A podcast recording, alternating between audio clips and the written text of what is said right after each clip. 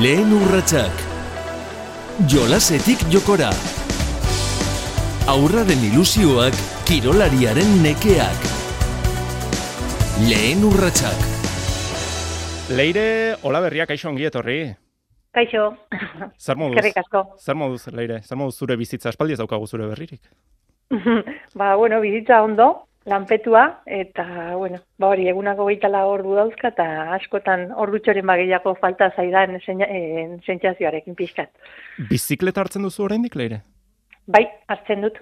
Hartzen dut, eta gainera buruko lan asko egin behar izaten dut, eta hori izaten da nire oreka bilatzeko momentua, eta askotan agian ba, bulegoan edo ordena gaiu aurrean ateratzen ez aizkidan gauzak, bizikleta bidaio baten ostean, ba, ba errexago ikusten ditu danak, eta bueno, egia da, e, mendiko bizikletari, guztu handi hartu dio dela, ingurune paregabean bizi nahi zela horretarako, eta, eta bueno, ba hortxe, konektatzen dudala nire buruarekin eta naturarekin ere. Errendimendutik terapiara? Hori izan daiteke bai, artikulu baten bai. izenburua edo liburu baten izenburua? Bai, izan daiteke. Eta, bueno, askotan ikusita nola disfrutatzen dudan, beti esaten du, jo, piztako bizikleta bat hartu ordez e, mendiko bat hartu izan banu, ba, gian nire ibilbidea ere desberdina izango zen, baina, bueno, ba, bizitzan gauzak e, gertatu behar dire momentuan gertatzen dira, eta beti pentsatzen dut arrazoien baten gati gertatzen diala, eta bueno, horrela sentitzen dut eta horrela egiten ditu gauzak. Zergaitik, txerrendularitza leire zer dauka, berezi, zuretzat? E, bueno, ez dakit, e, bueno, gustoko dut, e, beti ala nola alako askatasun berezi bat sentitzen dut, batez ere, ba, bueno, ez dakit, ez, e, mendialdera joaten aizenean, eta, eta bueno, ba, paraje zoragarria dauzkazunean, eta gainean nahi duzunean bakarrik egiteko aukera ona delako, nahi duzunean konpainian egiteko aukera paregabea dalako, eta bueno, uste dut ba, aukera asko ematen dituela, ez? Baina egia da ere, ba, bueno, agian e, kirolari profesional nintzen garaian egin ezin izan dituen kirolak ere egiteko aprobetsatzen dudala orain. Edo zen kirol egiten gozatzen dut egia esan. Hasieratik argi zeneukan, e, bizikleta izango zela zure zure bueno, kirola ala, ala erabakia kosta hartzea kosta egin zitzaizun? Ez, ez, ez. Bat ere ez, eta inorke esan izan bali gainea txikitan, zerrendulari izango nintzela, ba, ba, ez ezkoa esango nion, e, atletismoa izan zen, lehen da bizi hola engantzatu zian kirola, baina nik uste dute hau bat izan nintzela e, kirol, edozein kiroletan pilo bat gozatzen nuen, eta, eta bueno, ba, nitzikian nintzenean zaila ikusten nuen, kirolari profesional izateko aukera hori, eta, bueno, ba, beti kontatzen dut, anekdota moduan, ba, atletan nintzen garaian, e, Dina Bilbao ezagutu nuen, eta ura saiatu zen, bizikleta bat uzten, duatloi mundura hurbiltzen eta dana, eta, bueno, ba, momentu hartan e, bizikleta garajean egon zen, egia mm. esan, eta, bueno, ez dakit gero bizitzak, ba, ba, beste aukera bat eman zidan, baina ez, inoiz ezan, e, egia da, familian da, e, ba, neukala, ba, neuzkala lenguzkoa, txerrindulariak ziela eta horrela, e, txirrindularitza oso gustoko nuela telebistaz ikusteko, baina nire burua txirrindularitzat ez nuela ikusten, mm. bueno, aukera izan nuen momentura arte. Mhm. Beraz, ikastegietan herriko plazan zinen, e, ume mugitu horietako bat, geldirik egoten etzen horietako bat, beti... E, eta mutikoekin ibiltzen nintzen mutiko horietako bat. bai, e, bueno, ez dakit, e, energia askoko aurra nintzen, eta eta hori, ba mutilek emateziaten kaina eta neri gura gustatzen zitzaidan eta egia da, ba ikastegitako plaza futbolean, bueno, edo zein mm. kirol egiten e, ibilitako aurra naizela eta bueno, ba txikitako oroitzapen horiek ere ba zoragarriak egiten daiz gaur egun ere. Kointzidentzia izango da leire, barkaidazu, baina beste e, domina olimpiko batek gauza berbera esan zidan, Maialen Txorraute gauza berbera esan zidan, bera e, mutikoekin eta bar edo zer kiroletan, pelotan, futbolean eta lasarte horiako plazan, okendo plazan, hortxe hortxe ibiltzen zela. Bai, eta, bueno, garai horretan gainera beti mari mutiletik eta eramaten genuen.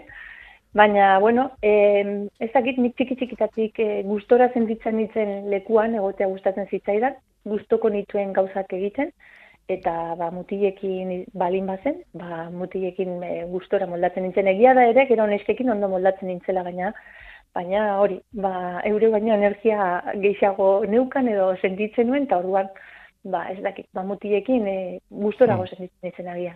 E, ume garaiko jolas izatetik noiz pasatzen, e, zuretzat kirola, ez dakit nola esan, e, hori da, errendimenduko kontu bat izatera, nola izan da prozesu, prozesu hori leire? Ba, nire ibilbidea nahiko kuriosua, arlo hortan, zeren eta, bueno, ba, nire atletismoarekin amalau, amabostu zerekin hasi nintzen, bere ala Espainiko txabelketa irabazi nuen, bere ala Espainiko errekorra hobetu nuen, da pentsatzen nuen ere ibilbidea horregongo zela, gero gauzak ez ziren joan nahi bezala, eta beti ametsa nuen joku olimpikoetara jutea. Eta, bueno, ba, emeretzi urte izango nituen, eh, non jabetu nintzen, bagian ametsori etzela niretzat, eta, bueno, ba, ikasketak, unibertsitatea, eta lehentasun horiek hartu nituen, eta, bueno, ba, askotan bizitzako kasualitatea, zeren eta nik nire erabakia bakarrik izan balitz, inoiz ez nintzen txerrendularitzara iritsiko. Mm. E, gure entrenamentu taldean txerrendulari bat hasi zen eta ark ba, ba zirudien ikusten zituela ba, ala nolako doai batzuk iztako txerrendularitzarako tan, tan ni ba, ez nuen ez ninduen komentzitzen da entrenatzailea komentzitu zuen baina mm. zei bete luze ustetaritu zela saiatu eta saiatu eta ark ba, ez, ideiak ez zidan gehiagirak hartzen baina egia da gero behin probatu ostean ba ba, biadura, sentitutako beldurra, anoetako belodromoko bai. peraltea, inoiz, ez zaitaztuk, orduan, nik uste dut alako erronka piloa topatu nitula, e, nahi gabe berriro ba, lehiaketa munduak harrapatu ninduela. Ez da eskola txarra, eh? Anoetako belodromoa peralte puska horrekin leire, e, sartu izan garen lehen aldiz esan dugu, jo, hor pareta hortan gora ibili behar aldut edo horra, egora ino iritsi behar aldut, eta gero egia da, ba, gustu hartzen diozula, baina hasieran bai dela e, beldurgarri xamarra, ez da? Bueno, egia esan behar badizu nik anoetako belodromoari inoiz ez diet guztu hartu. Baina egia da eskola bezala, ba, bueno, ba, eskola ona izan dela, e, mundu guztiko ia belodromo asko ezagutu ditut eta e, Moskukoa da bakarrik, anoetakoa baina zailagoa. Horrek esan nahi du, joaten zaren beste belodromo guztieak erosogoa direla eta gustorago entrenatzen dezula eta hobeto sentitzen zarela, ez? Baina, bueno, uste dute zorioneko izan garela ere, ba, etxetik gertu belodromo bat e, izan dugulako, ba, estalia zegoelako, eta hemen ba, daukagun neguarekin ba, hori ba, eskertzekoa delako, baina, bueno, ba, belodromo egokiagoak egon badaude, eta netako berodromoan dauden kondizio baino hobeagoak ere egon badaude. E, Txerdunlaritza, bueno, e, egia da talde kirola dela, baina, bueno, bakarkako kirola ere bada, bereziki bakarkako kirola dela esan dezakegu, e, horrek e, zertan lagundu dizu, zure, ezagin nola esan, e, bizitzan, e, leire, e, talde kirola izateaz gain, bakarrik, e, zuk babak eltzetik atera behar izateak, zertan, zertan lagundu dizu? Ba, uste dut biatloak landu behar izan ditu dela, zuk esan bezala, batez ere, ba, bueno, ba, piztan eh, nik egiten dudan espezialitatea batez ere bakarkakoa zelako, gainera selekzioan e, postu bakarra izaten zen, e, lehiatu alizateko orduan horrek ere, ba, ba, bueno, eramaten zaitu, ez, bakartasun horretara, baina inoiz ez dut bakarkako kirola bezala ulertu zeren eta kirolari bezala gaur egun mundu mailan punta-puntan ibili nahi badezu, azkenean talde bat daukazu zurekin lanean, hmm. eta, bueno, ba, beti esan izan dut, ba, nina izkanpore piztara izten da emaitza jartzen duena, baina azken finean e, askoren lanaren emaitza jartzen ari zea, ez? Beraz, bueno, ba, bakarko sentimentu hori beti saiatu izan naiz e, taldean ba, banatzen, bai arduraldetik eta bai pozak izan direnean ere partekatu izateko. Eta gero, nik uste azken urteetan gehiago bilatzen nuen e, pixkat errapidera jotzen banuen zen pixkat baita e, talde, talde hori bilatzen, taldearen beroa, e, taldekideak zeren eta bueno, ba, bakarkako lanean jarduten zarenean hainbeste ordu egunean zehar, eta bueno, ba, exigentzia altua denean, e, batioekin borrokan zabiltzanean, ba, buruak askotan eskertzen du, ez? E, lagunak mm. izatea inguruan, eta, bueno, ba, talde bezala ere helburuak izatea, eta askotan ba, horretzen bila bakarrik joaten nintzen errepidera lehiatzera. e, irakurri izan dizut elkarrizketa batean baino gehiagotan, e, txirrendularitzak, pistako txirrendularitzak, txirrendularitzak oroar, bizikletak, eman gehiago egin dizula kendu, kendu baino leire? Bai, agian e, denborarekin eta orain perspektiba pixka bat gehiago daukat, e, agian sentimentua pixka desberdina da zeren eta barruan zaudenean askotan ez zara jabetzen egiten dituzun renuntzia guzti horietaz, ez?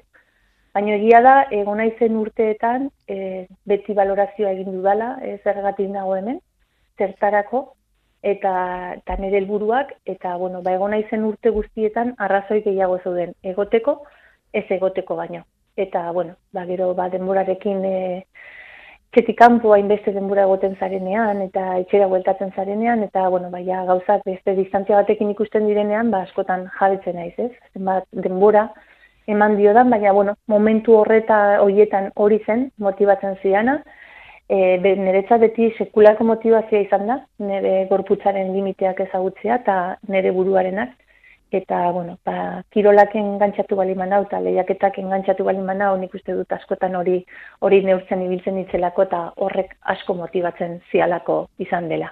Amairu urtez, kirol ibilbidean, amairu urteko kirol ibilbidea, luzea da, leire, gauza asko biziko zenituen, leku asko, jende asko ezagutuko zenuen, momentu onak, momentu txarrak, eta seguro, espero etzen dituen, momentu asko eman dizkizula txerrendularitzak? Bai, dudarik ez da, e, beti ez den dut, ez, leno esan dizudan bezala, ba, so, e, ametxo olimpikoa uste nuen etzela niretzat, bizitzak erakutsi zidan, ba, ba, ba, hor zegoela, nire zain, e, bueno, ibilbidea ere pixkat e, desberdina izan da, zeren eta hogeita zazpi urterekin iritsi nintzen. Nahiko berandu. Nahiko oso berandu, gaur egungo bai.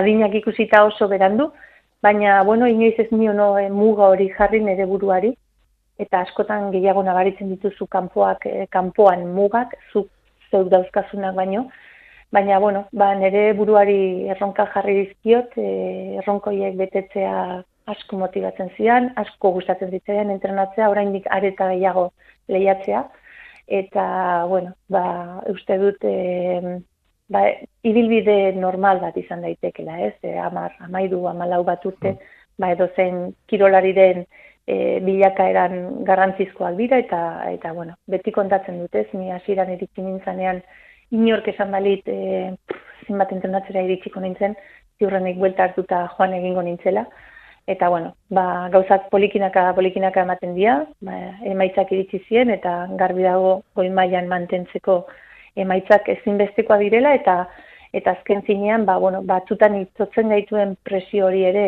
ezinbestekoa izaten dela eta eta bueno, beti esaten dut e, txampun berdinaren bi aldeak mm. direla. Batzutan presio hori behar dezu, barruan ba, sua pizten dizulako eta daukazun guztia emateko gaitasuna sortzen dulako, beste momentu batzutan aldiz, ba, presio horre berak itotzen zaitu. Eta beti izan, pentsatu izan dut presio hori ondo eramaten nuela, baina agian lehiak eta utzi dudan momentuan da jabetu nahi zen momentuan zela zai lo egin daiteke buru austeri gabe, ba, agian ba, pentsatu izan dut e, batzuetan uste nuena, baina okerrago kudeatzen nuela, baina mm. hori ere ikasten den zerbait da eta prozesuan zerbait ba, zehar ba hobetzen juna izen zerbait izan da. E, presioaren kudeak eta horretan e, kirolari batek baino gehiagok arazoak izaten ditu ez delako erraza izaten e, zure kasuan e, inguruak e, zenbat e, lagundu zizun edo zertan e, zeinengan oinarritu ziren presio hori kudeatzen jakiteko, eramaten jakiteko, e, zein izan ziren zure makuluak, leire? Ba, beitu, e, bilakaera luzea dago hor, ez? Baina nik beti esan dut e, nire aurkaredik e, okerrena ni neun nintzela. Neure buruarekiko zeren eta nire autoexigentzia beti oso altua izan da. Eta gaina nola gorputzari eskatu eta beti eman egiten zian, ba, momentu batzuk iristen dira gainera, gaizki hoitzen zarela, zeren eta badirudi proposatzen zean edo zein helburu lortu dezakezula. Eta eta errendimenduan ba, badakigu hori ez dela beti posible, ez? batez ere ba, munduan zehar talentu asko dagoelako, eta lan gogor egiten duen e, jende eta kirolari asko dagoelako. Eta bueno, ba, momentu hobeak eta okerragoak izan ditut, e, inguruneak beti e, lasaitzeko joera izan du, zeren eta hori, ba, bere alan, erekin lan egin dutenek, bere alan jabetu dira, ni neu nintzela, ez, nire buruari gehien ezikitzen niona, eta momentuak izan ditut ere, ba, laguntza profesionala eskatu behar izan nuela, zeren eta mhm. e, egiten genituen gauzak etzitza izkidan nahikoa iruditzen. Munduko talentu honekin lehiatu nahi duzunean, ba, ez erretzaizu nahikoa iruditzen, eta hor, ba, ba, dira momentuak, ni beti esaten dute maitza txarrak baino okerrago eraman ditut, e, maitza oso onak e, ematen ari ziren momentuan, zeren eta banekien, ez? Bigarrenak eta hirugarrenak zenolako talentza zeukaten zen lan egiten zuten, eta hor, bai izan dituen momentuak nire burua asko estutu, estutu nuena, eta hori, ba, laguntza eskatu behar izan nuena inguruan, zeren eta ikusten nuen, e, ez ninduala bide honetik, eta, bueno, ba, naiz da emaitzako naizan asko sufritzen ari nintzela. Presioak eta emaitzak eh, lotuta doazen eh, bi hitz eta orain arte, bueno, zure lorpenen zerrenda ez dugu egin leire, asgaite zen, batetik, e, Joko Olimpikoak, bat, e, Beijing, 2000 eta zortzi, nola aztu, txerolaritza zalen erretinetan nik uste, hiltzatuta, geratu dela brontzezko domina hori, zure malko horiek leire, eta bestetik, e, Londres, garratza. Garratza, bai. E, biek eukizuten ikasketa garrantzitsua, e, Pekinek, e, bueno, inoiz espero ez nuen zerbait bizitza jarri zidan, eta sentitu nuen, bizitu nuen, poz, izugarri. Eta, bueno, ba, Londresek beste aldea izan zuen, eta Londreseko ikasketan ikustet bai bizitzarako, eta bai kirolerako ere ikasketa garrantzitsuagoa izan zuela, pixka bat distantzia pixkataztu nionean, eta eta bueno, ba, gauzak behar bezala irakurtzen eta ulertzen ikasi nuenean. Baina, bueno, bazken finean e, joko olimpiko batzuk lau urtetako lana suposatzen dute, eta nik esango nizuke txirrendulari hobean nintzela, Londresen pekinen baino. Baina, bueno, ba, batzutan e, kirola horrela izaten da, eta momentu horietan ba, horrela eman zen, eta, bueno, bazken finean e, emaitza guztiek, bai honak eta bai txarrak, danak izan dute niretzat ikasketa prozesu garrantzitsua. Espainiako txapeldun, e, Europako txapelketan, mundialetan, jokoetan domina, munduko kopan ere maitza bikainak, e, munduan zehar hortxe ibilizara, erronka e, zaiak ipintzen zure buruari, eta bueno, hor, ba, lehen esan duguna ez, prestatzaileak, medikuak, hautatzaileak, fisikoak, mekanikariak, e, jende askoren e, lana dago, hori batetik, baina bestetik, zuk zer horrek lehen e, pertsonan bizi izan duzulako gustatuko litzai dake, e, bueno, adiraztea, emakumezkoen e, kirolaren e, bilakaera nola bizi izan duzun, zuk zer horrek e, barrutik leire?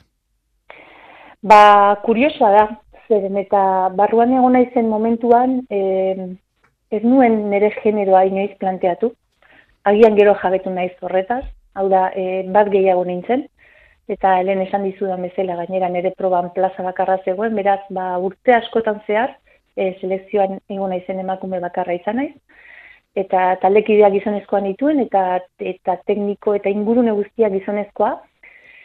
Momentu horretan e, Espaini mailan profesionalizateko aukerarik etzegoen apenas emakumetan, beraz nik uste dut e, gizonezko inguratuta egotea ere gainea, ba txikitan parkean bezala oso eroso sentitzen ditzen, zeren eta eurek lehiakorra dira oso bai entrenatzen, bai, bai bidaiatzen edo zen legutan gaudenean, eta oso eroso sentitzen nintzen, beraiekin, estutzen ninduten eta neri ura gustatu egiten zitzaidan. Baina, bueno, agian e, e, generoari begiratuta gero, ez? Jabetu naiz pixka bat e, emakume izatea eta emakume izate horrek, ez? Biologikoki ere izan ditaken ba, beharroiek, ba, ba, gero jabetu naiz, askotan, ba, ba nere buruari ere ukatu egin dizkio dela. Ibilbidean zehar, zeren eta, bueno, ba, momentu horietan, kirol erronkei garrantzi gehiago ematen nion nire generoari baino. Amatasunaren gaia ere, hortxe dago, leire? Hortxe dago, hortxe dago, eta, eta oraindik tamalez defendatu beharreko gaia, e, bueno, ba, kirol legedian oraindik e, gauza hauek e, ez dira behar bezala argitzen, eta dudarik ez da, leheno esan dizudan moduan, kirol ibilbide duinak balin badauzkagu, ibilbide horiek e, luzeak izan daitezke, eta luzeak izan daitezken momentuan ere, ba, bueno, ba, gure bizitzan e, ama izateko eskubidea ere hortxe dago, eta hori ere, ba, bueno, nire kasuan behintzat e, bizitu beharreko e, bueno, ba, gertaera izan da guztiz, mm eta bueno, agian goimailako kirolariak beti gaude gure burua entzuten, gure burua neurtzen, beti guregan, e, demora guztian zaude zure buruarekin izketan, eta bueno, ba maizate utxak e, erabat aldatu zidan perspektiba hori e, zeren ba, batean badago norbait zu baino garrantzitsuagoa bihurtzen dena. Eta perspektiba horretatik ere aurretik egiten nuena, egiten saiatzean niretzat erronka bihurtu zen.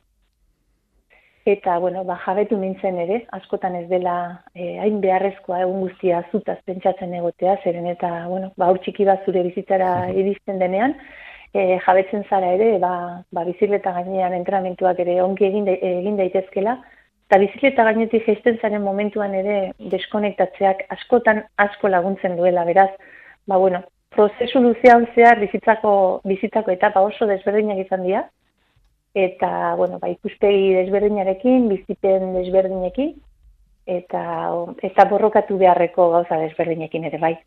Bizitzako etapak leire olaberriarekin lantzen ari gara eta tamalez, ba, bueno, amaierara iristen ari gara, leire gustora ari gara, baina erlojuak ez du gezurrik esaten tiktak e, aurrera doa. Amaitzeko, e, badakit, behin bizikleta gambaran gordeta, naiz eta, esan didazun, ibiltzen zaren e, terapia moduan eta eta hori, ba bueno, e, horrela da, baina jakina, bizikletaren ostean, e, badago beste utxune bat kirolari askok bizitzen dutena, lan mundua, zer egin, nora jo, zer ikasi, zure kasuan, e, zientzia eta teknologien gradua e, egiten ari zara, UKAM Unibertsitatean, Murtzian. Bai, hemen ere, e, oraindik, e, ongi lantzen ez den e, bide bat dagola iruditzen zait. Lehen esan dizudan bezala, ba, goita urterekin e, goi mailara iristen zarenean, bizitzako ja beste ikuspegi batekin iristen zea, eta, bueno, ba, jabetu nintzen e, nire, nire rendimendua, e, urte guztiko lana munduko txapelketan neurtu, neurtzen balin bazen, ba, agian bidea disfrutatzeko modurik egokina etzela, beraz, ba, bueno, e, kirol bizitzasieran ere ba, enpresa bat sortu genuen, e, zorionez enpresa hori ere azten joan da, ni e, kirolari bezala bilaka, bilaka era balutzatzen zi joan neurrian, eta, bueno, ba, e, nutrizio sektorean e, lan egiten dut, eta egun, ba, bueno, ba, unibertsitatera bueltatu nahi, zeren eta amala urte profesional izan ostean, berdin da aurretik ze ikasi dezun, ikasi dituzun titulo horiek handiak geratzen direla, ez? Eta, bueno, ba, hor badago e, berriro ikasten hasteko lan bat egin beharra, askotan goi mailako kirolariak e, hainbeste ordu pasatzen ditu lehiatzen entrenatzen ez duela agian e, egun ba utzi uzten den egun hori behar bezala prestatzen. E, nahiko historia garratzak tokatu zitaizkidan ikustea taldekidekin eta selekziokidekin, eta beti, beti, beti e, saiatu izan naiz e, bide hau ere jorratzen, zirrin e, kirolari izan naizen bitartean. Eta gaur agian, ba, bizikleta utzita irurte eranduago jabetzen naiz, e, agian gauzak e, direla behar bezala lantzen, eta gero, ba, kirolari bezala errealitate hori guztezen dugun momentuan, ba, badirela kirolariak bizitza errealera mm, egokitzeko gaitasun izugarriak dauzkatela, eta Eta, bueno, ez dakit, nik hor beti esaten dut agian, mm, ez dakit, ez batzutan gogorra dela esaten didate, baina bizikleta utzi nuen momentuan, nire buruari egin jo mesederik handiena izan zen aztu, bizikleta gainean egin dituzun guztiak, eta bizitzan zer dakizu egiten, ez? Eta, bueno, bagian, pentsatzeko modu horrek ere pilak jartzen dizkizu, eta ikasteko gogoak, eta hobetzeko gogoak e, pizten dizkizu, eta, bueno, ba, nire pentsatzeko modua utxura bera horrela izan da, eta uste dut ez dudala inungo arazorik izan e, bizitza errealera bueltatzeko eta bizitza pertsonal bat, bizitza pertsona normal bat bezala bizitzen jarraitzeko. Leire Olaberria, hausnarketa benetan e, interesgarriak egin dizkigun e, laguna. Benetan placer handia izan da eta segi fuerte bizitzak e, jartzen dizkizun etapa berri hauetan. Noski baiet, eskerrik asko zuei. Lehen urratsak. Jolasetik jokora aurraren ilusioak kirolariaren nekeak. Lehen urratsak.